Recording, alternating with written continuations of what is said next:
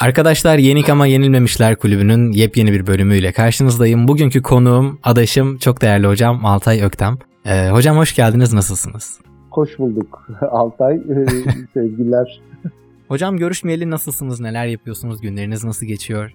Valla e, görüşmeyeli iyi, her zamanki gibi Altay. E, yani hem okuma serüveni devam ediyor hem yazma serüveni, etkinlikler, bayağı edebiyatla ilgili, şiirle özellikle e, çok yoğun dolu dolu geçiyor günler. Ee, aklımda olan temel konu yani Altay Öktem dediğim zaman aklıma gelen şeylerden birincisi e, fanzinler. Bunun birazcık benim fanzin çıkardığım zamanlarda, ilk fanzinle tanıştığım zamanlarda e, sizinle tanıştığım zamanlara denk geliyor olması. Sizin o fanzinlerde hep bir şekilde destekçi olarak, bir abi olarak bulunuyor olmanız. Hep diğer böyle komşu fanzinlerde, arkadaş fanzinlerde falan size rastlamamla alakalı belki bu. Altay Ökten benim için yani yanlış anlamazsanız hani şair kimliğinden ziyade böyle bir şiir abisi, hmm, bir edebiyat e, ne derler? Gönüllüsü mü diyebilirim. Böyle gençlerin elinden tutan bir abi böyle hani benim gözümde. Yani çok sağ ol, çok sağ ol Altay. Bu tabii beni, benim için bunu duymak çok güzel, çok e, keyifli bir şey. E, ama tabii bir yanıyla da şöyle, genelde de benle ilgili e, hani bilgi sahibi olanlar daha çok hep o fanzinlerle ilgili çalışmaları hatırlıyorlar. Hı hı. E, ama hani romanlar, öyküler bir yanına bir de e, şiirde e, ilk kitabımın yayınlandı. Bu yıl bir kitabım çıktı mesela 10. kitabım. 10. şiir kitabım. 30. E, yıl tam 92'de çıkmış işte ilk kitap. 30 yılı devirdik.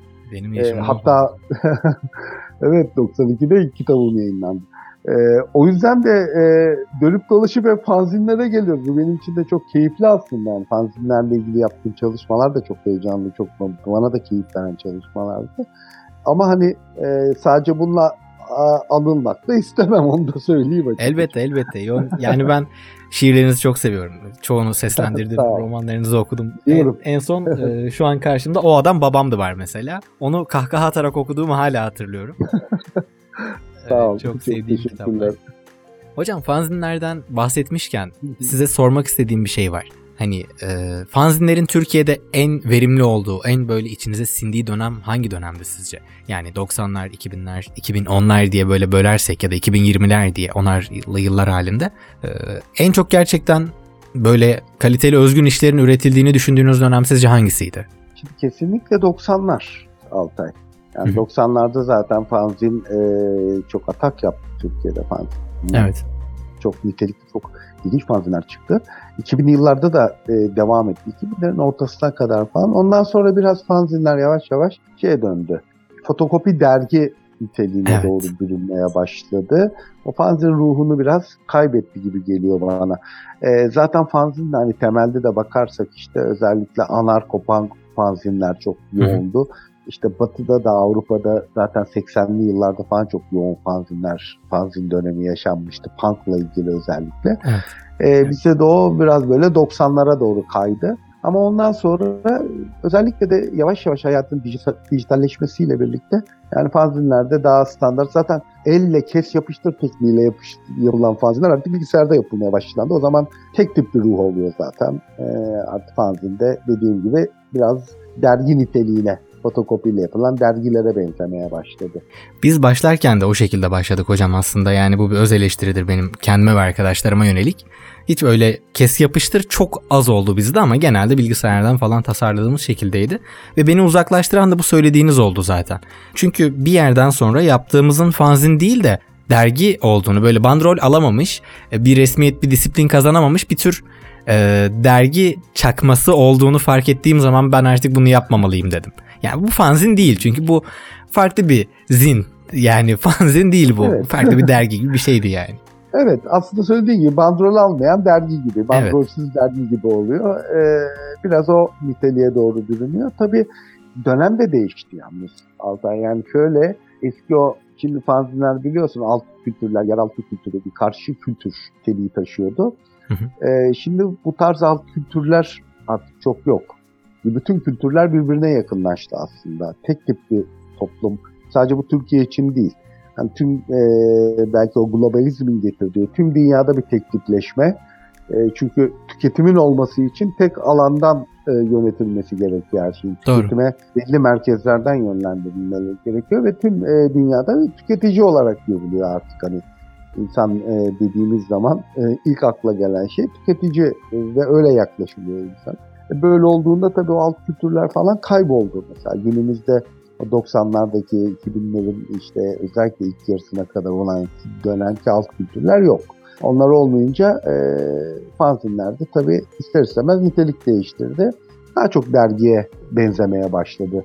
Doğal bir süreç diye düşünüyorum bunu. Kesinlikle. Ee, Ben mesela bir hip hop dergisinde çalışırken birçok rapçiyle röportaj vesaire yapıyorduk ve onlar fanzinlerden bahsediyorlardı. 90'larda, 2000'lerin başlarında çıkan fanzinleri takip ettiklerinden söz ederken diyorlardı ki yaptıkları müziği herhangi müzik şirketiyle falan anlaşıp yapmıyorlardı. Bilgisayarda kaydedip elden CD ile underground bir şekilde dağıtıyorlardı.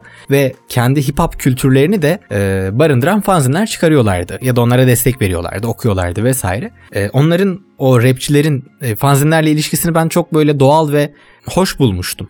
Çok sevmiştim yani. Çünkü onların yaptığı böyle illegal, underground bir şey. E, fanzin aynı şekilde. E, fakat artık dediğiniz gibi bir alt kültür hani rap atıyorum. Türkçe rap bir ara bir alt kültürdü onların nazarında konuşmak gerekirse. Artık baya baya popüler bir müzik olduğu için onlar da mesela uzaklaştılar bu kültürden. Hani bir örnek olarak söylüyorum bunu sadece. Evet, evet ama o da tartışılır. Şu anda da aslında alt kültür olarak sayabileceğimiz bir müzik e, türü varsa o da rap sadece. Hala Rap, evet. evet popülerleşti ama hala e, birçok rapçi de e, aslında bir alt kültürün izini sürüyor hala. Veya günümüzün alt kültürü. Ama o bahsettiğim dönemler ya da daha önceleri biraz daha e, hani özellikle rock, Hı hı. metal. Kesinlikle e, evet, onlar da. Onlar çok ciddi Kesinlikle doğru. Ve onlar hemen hemen hiç kalmadı gibi. Evet. E, dönüşüyor. Özellikle müzik de çok zaten iç içe. Yani fanzin kültürü de müzik sadece edebiyat değil e, ya da yazı olarak düşünmemek gerekiyor. Belki daha da fazla müzikle iç içeydi. Kesinlikle. Çok çeşitli fanzinler gördüm ki ben e, kısıtlı şehirlerde İstanbul'da falan olan fanzinleri bilmeyen biri olarak çok çeşitli fanzinler gördüm. E, 90'larda İstanbul gibi bir şehirde kim bilir neler üzerine ne tür fanzinler çıkarılmıştır. Yani bunu siz daha iyi bilirsiniz zaten. Evet, onun kitabı kitabı var zaten. Biliyorsun, evet evet doğru doğru. Bütün o fanzinlerin birçoğunun görseliyle iç sayfalarını e, bayağı böyle yoğun yıllarca yaptığım çalışmaların sonucu olarak çıkardığım bir inceleme kitabıydı o. O yıllar evet yani e, aslında öyle bir kaynakça da var elimizde. doğru evet. Hocam bunca sene bu fanzinlerle e, içli dışlı biri olarak hmm, ya onları çıkaran insanlarla da tanışmış, tanışan, iletişimde olan biri olarak birçok yeteneği keşfetmişsinizdir diye tahmin ediyorum. Yani keşfetmek belki çok yanlış bir cümle e, sözcük oldu ama e, onları ilk yani yolun başındayken tanıdınız, hmm, ilerleyişlerini gözlemlediniz vesaire. Ama bir yandan da e, ya bu da mı şair olacak dediğiniz isimlere de rastladınız mı? Yani ya da bu yazmasa mı? Ne bileyim bunda o yetenek yok gibisinden. Şu an birazcık hani e, gayri ciddi konuşuyorum ama e, şakayla karışık. Yani bir şair için de gerçekten bir yandan çok zevkli bir yolculukken bir yandan da bence moral bozucu bir yanı vardır bunun. Ne bileyim heves kırıcı belki. E, sadece tahmin ediyorum yani nasıl şeyler yaşadığınız hiç bilmiyorum. Birazcık hani bahsetme imkanınız var mı? Bunu Evet. kendimce ara sıra düşünüyorum yani. Çünkü o kadar çok insanla muhatap olunca onları görünce bir yerden sonra yani biraz iddialı bir cümle olacak ama Türk edebiyatının geleceği bu mu ya e, diye üzüldüğünüz anlar olmuştur diye tahmin ediyorum. Belki. Sizden dinlemek istiyorum. Tamam Altay e, ya, e, değişik bir yere parmak bastın ama şimdi bu tabii şeyle ilgili değil. Yani bir, şöyle ikiye ayırabilirim konuyu. Bir tanesi gerçekten söylediğin gibi hani fanzinleri çıkartan kişilerin de e, çok fazla fanzinciyle de tanıştım. Hani birlikte yol aldık. Sa- e, sadece o da değil. Daha sonra e, biliyorsun 2008-2009 yıllarında Kara Kalem dergisini çıkarmıştım ben. E, önce Yüksek Ses Kara Kalem sonra e, yine Turgut'la beraber e, 46 Kale Kalem olarak son iki sayısını yayınladık. Şimdi Kara Kalem'de de şöyle bir şeyimiz vardı. Zaten orada da o dönemin alt kültürleri. Zaten dergi de böyle biliyorsun siyah sayfanın üzerine beyaz Evet. yazılarla işte kırmızı e, kapak çok gotik bir tarzı da Evet vardı evet evet. içerik de öyleydi. Şimdi orada da fanzin değil dergi ama o dergide de gene yazanlar hep genç. Yani dergini şöyle söyleyeyim her sayı en az e, yazarların %80'i ilk ürünlerini yayınlayan isimlerdi. Şiir olsun, yazı olsun, öykü e, ya da deneme olsun ya da çizim olsun. e, böyle bir şey vardı yani gençlerin neredeyse çıkardığı ben sadece hani başlarında bir abi gibi duruyordum ben zaten bütün dergiyi onlarla planladım böyle bir dergiydi. Şimdi böyle baktığımız zaman tabii çok yetenekli isimler iki türlü düşünebiliriz. Bir çok yetenekli olan isimlerin sonra devam etmediklerini de gördüm. Hani bunlardan çok iyi yani ileride çok iyi bir şair olacak, çok iyi bir öykücü olabilecek dediğim bir sürü kişi sonradan hayatta savruldu, başka yerlere gitti ve yazmayı sürdürmedi. Tam tersine e, başarısız olanları da gördüm. Yani bu do- doğal fakat bunun doğrudan fanzinlere ilişkisi yok. Şimdi bunca yıl edebiyatın içinde olunca e, dergilerde de aynı süreç var zaten. Yani Doğru. e, bir dönem çok popüler o popüler demeyeyim de sık sık işte şiirlerine, öykülerine, ürünlerine rastladığımız isimlerin ya hani senin tarzın olmuyor. Ya çok başarılı da değil bu niye böyle her yerde dediğim de oluyor. Ya da çok e, sevdiğin, çok ilerleyeceğini düşündüğün kişilerin sonra edebiyattan bir yandan e, uzaklaştıklarını ve çok devam etmediklerini de görüyorsun. Ona da üzülebiliyorsun ama bu herkesin hissedeceği bir şey. Yani bu beğeniyle ilgili çünkü. O yüzden hani doğrudan fanzine de bağlamak e, çok doğru olmayabilir. Ama tabii fanzin artı dergi artı edebiyatın başka alanları olunca artı etkinliklerle de çok yoğun geçti benim zamanım. Ee, böyle de olunca tabii dediğin gibi çok fazla kişi tanıdım Evet. ama çok fazla kişiyi de takip ettim. Ee, orada tabii başarılı olanlarda, başarısız olanlarda çok fazla kişi görmüş oldum. Ama zaten e, bu doğal bir süreç böyle olması da gayet normal diye düşünüyorum. Doğru doğru hocam kesinlikle. Yani fanzin örneğini sadece başta da söylediğim gibi siz bir fanzin abisi, bir şiir abisi olarak gördüğüm için oradan devam etmek istedim. O yüzden Hı. fanzin Evet. diye belirttim. Ee, bir sorum daha var ama birazcık yine böyle sizi politikaya doğru çekiyorum esasında. Hadi bakalım. Bizim e, bu podcast programı dışında arkadaşım Fatih ile beraber yaptığımız bir program daha var. Orada böyle e, saatlerce konuşup içinden çıkamadığımız bir konu vardı. Sizi bulmuşken onu ben size sormak istiyorum.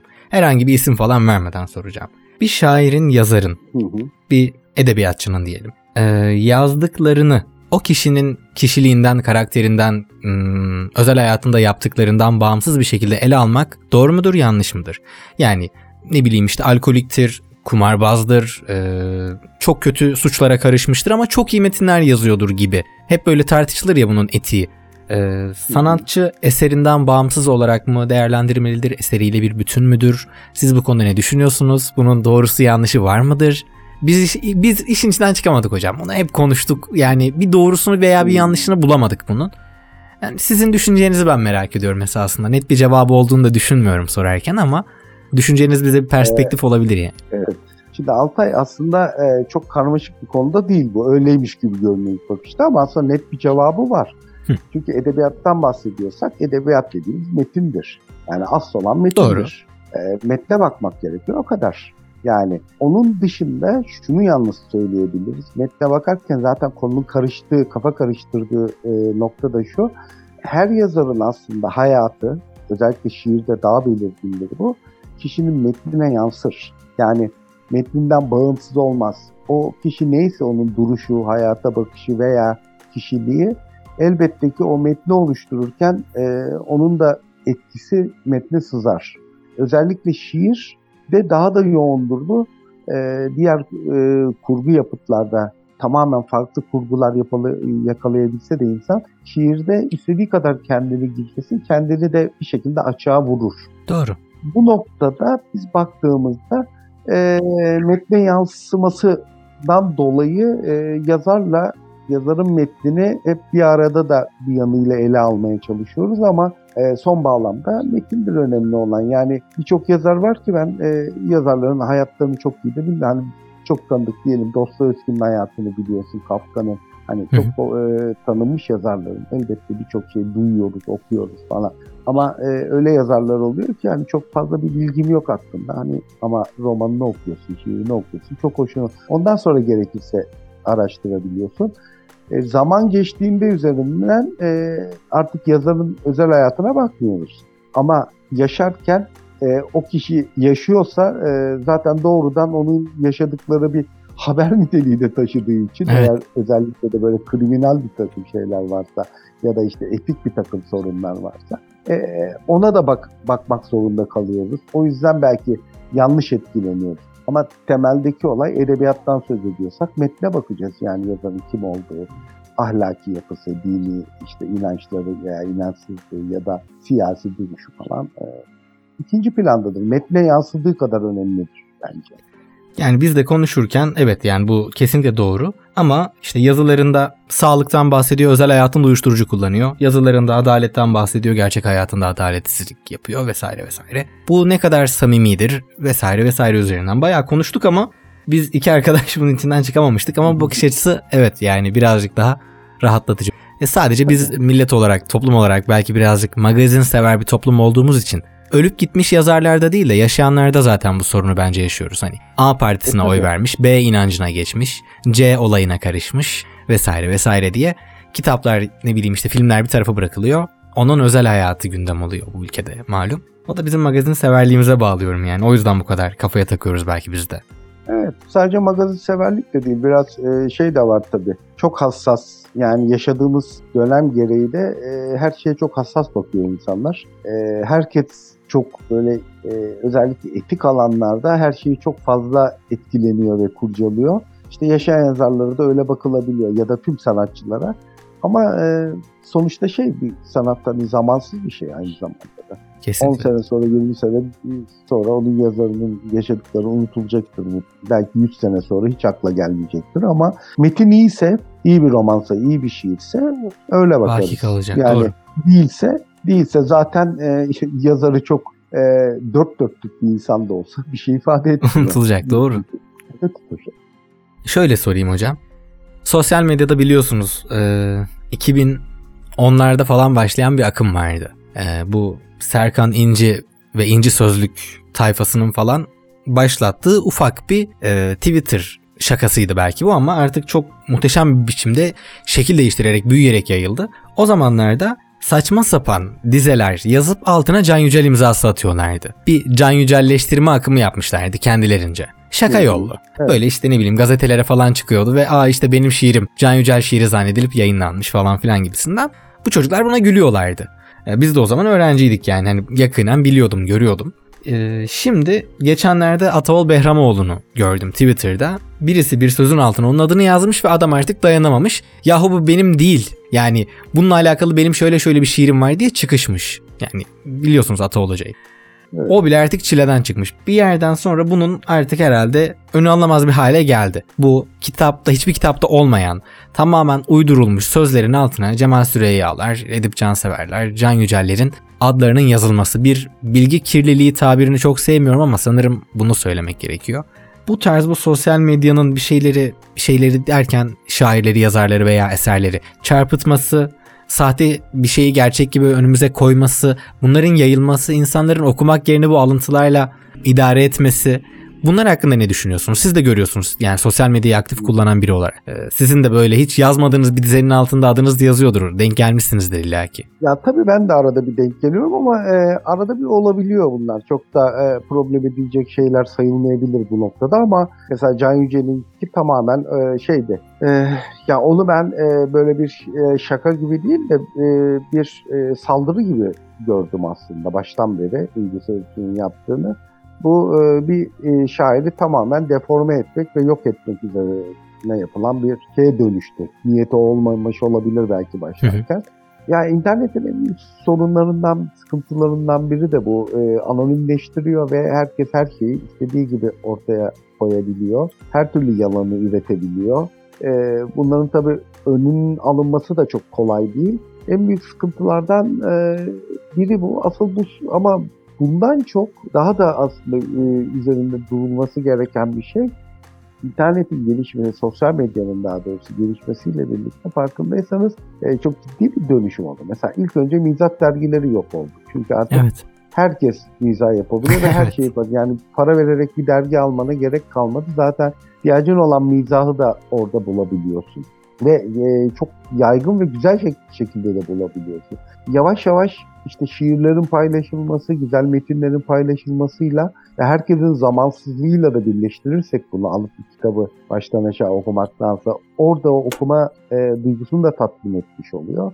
E, böylece e, okunurluk azalmaya başladı. Yani birçok gençle konuşun Cemal Süreyya dedi yani özellikle böyle ikinci elin falan bilinen şairleri yaptığını söyledi hepsi tanır. Ama e, sadece internette do- dolaşan 3-5 dizelerini bilirler. Ama e, okuduklarını veya onu e, gerçekten tanıdıklarını düşünüyorlar.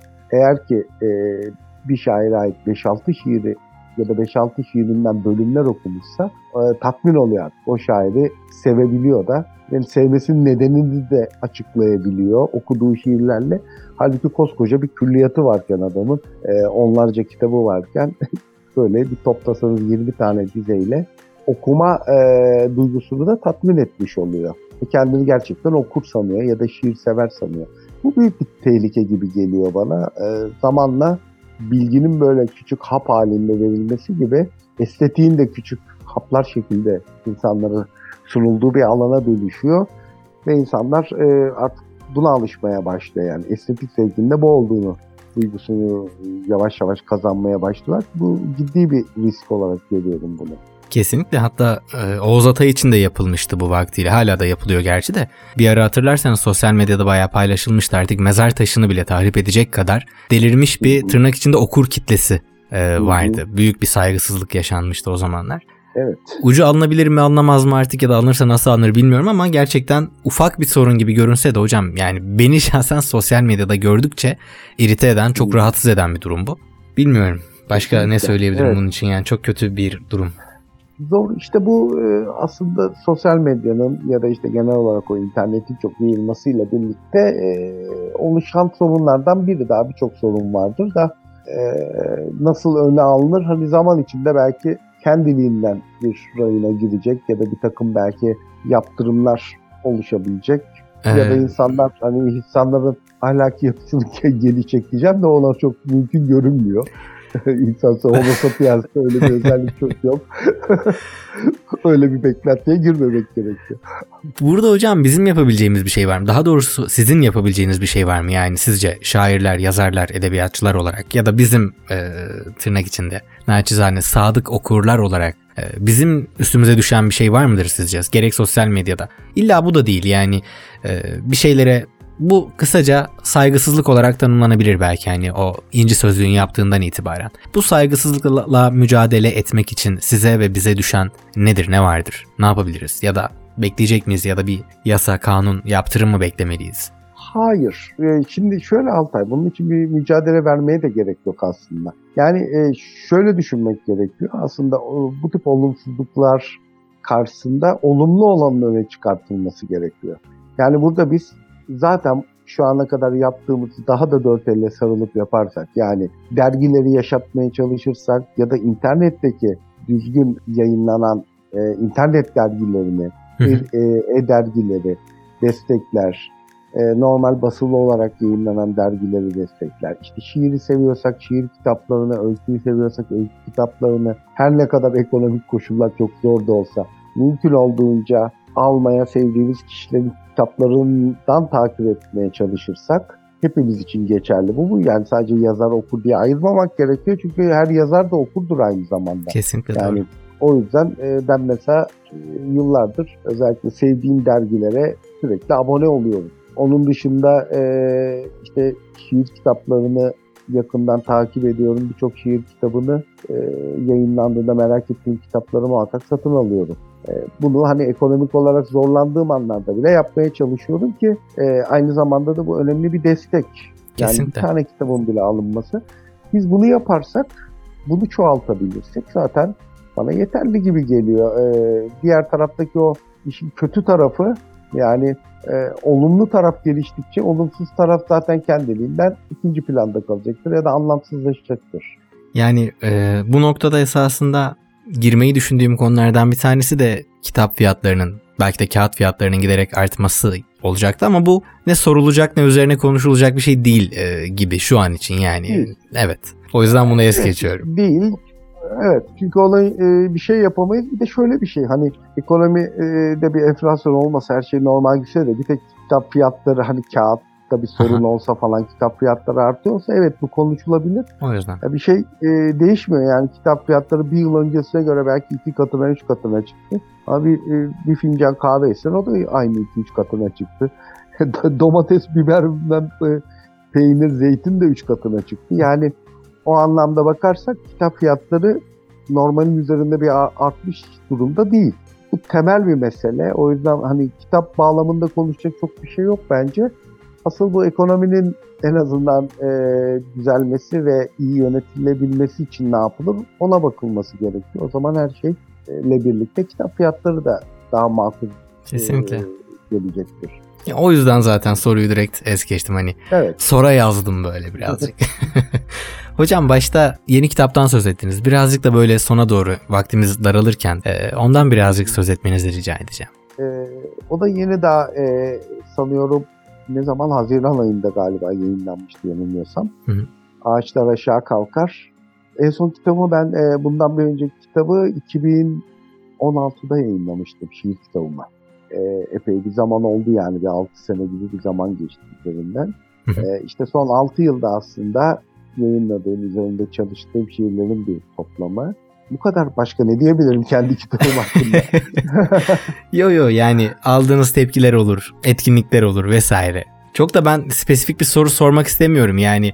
Çünkü şairiyle şiiri üzerinde konu- üzerine konuşmayı çok tercih eden biri değilim fakat yine de dinleyen arkadaşlar hani belki sizden bir şeyler duymak isterler diye esasında soruyorum. Ben e, tanıştığım, tanış olduğum herhangi bir şaire şiir üzerine bir şeyler söylemeyi Hı hı. genel olarak sevmiyorum. Çünkü bir şiir hakkında bir ipucu verdiği zaman o şiir benim için kayboluyor. Yanlış anlamayın yani. Ben onu o kitabı, o şiirleri bir yere koyuyorum gözümde. Şair tutup da bir detay verdiği zaman e, benim kafamda yarattığım dünya birazcık zedeleniyor. O yüzden çok girmek Evet. istediğim bir alan değil esasında. Ben sadece Evet, dinleyenler için. Kesinlikle yani genel olarak konuşulabilir bir şiirden ya da şiir kitabından e, hani özelinde bile bir şiir kitabın. Ama tabii detaylara girilip konuşulduğunda olmuyor çünkü şiiri biliyorsun bir şeydir. Herkese farklı çağrışımlar yaratabiliyor. Bir düşünce ve duygu zenginliğidir aslında. O yüzden de şiirler üzerine böyle benim de bir şey söylemem kendi şiirlerimin üzerinde doğru olmaz. Söylediğim zaman çünkü okuru da etkilemiş olurum. O belki benim söylediklerimden çok farklı bir çağrışım alacaktır o şiirleri okuduğunda. Ama e, genel olarak şunu söyleyebiliriz.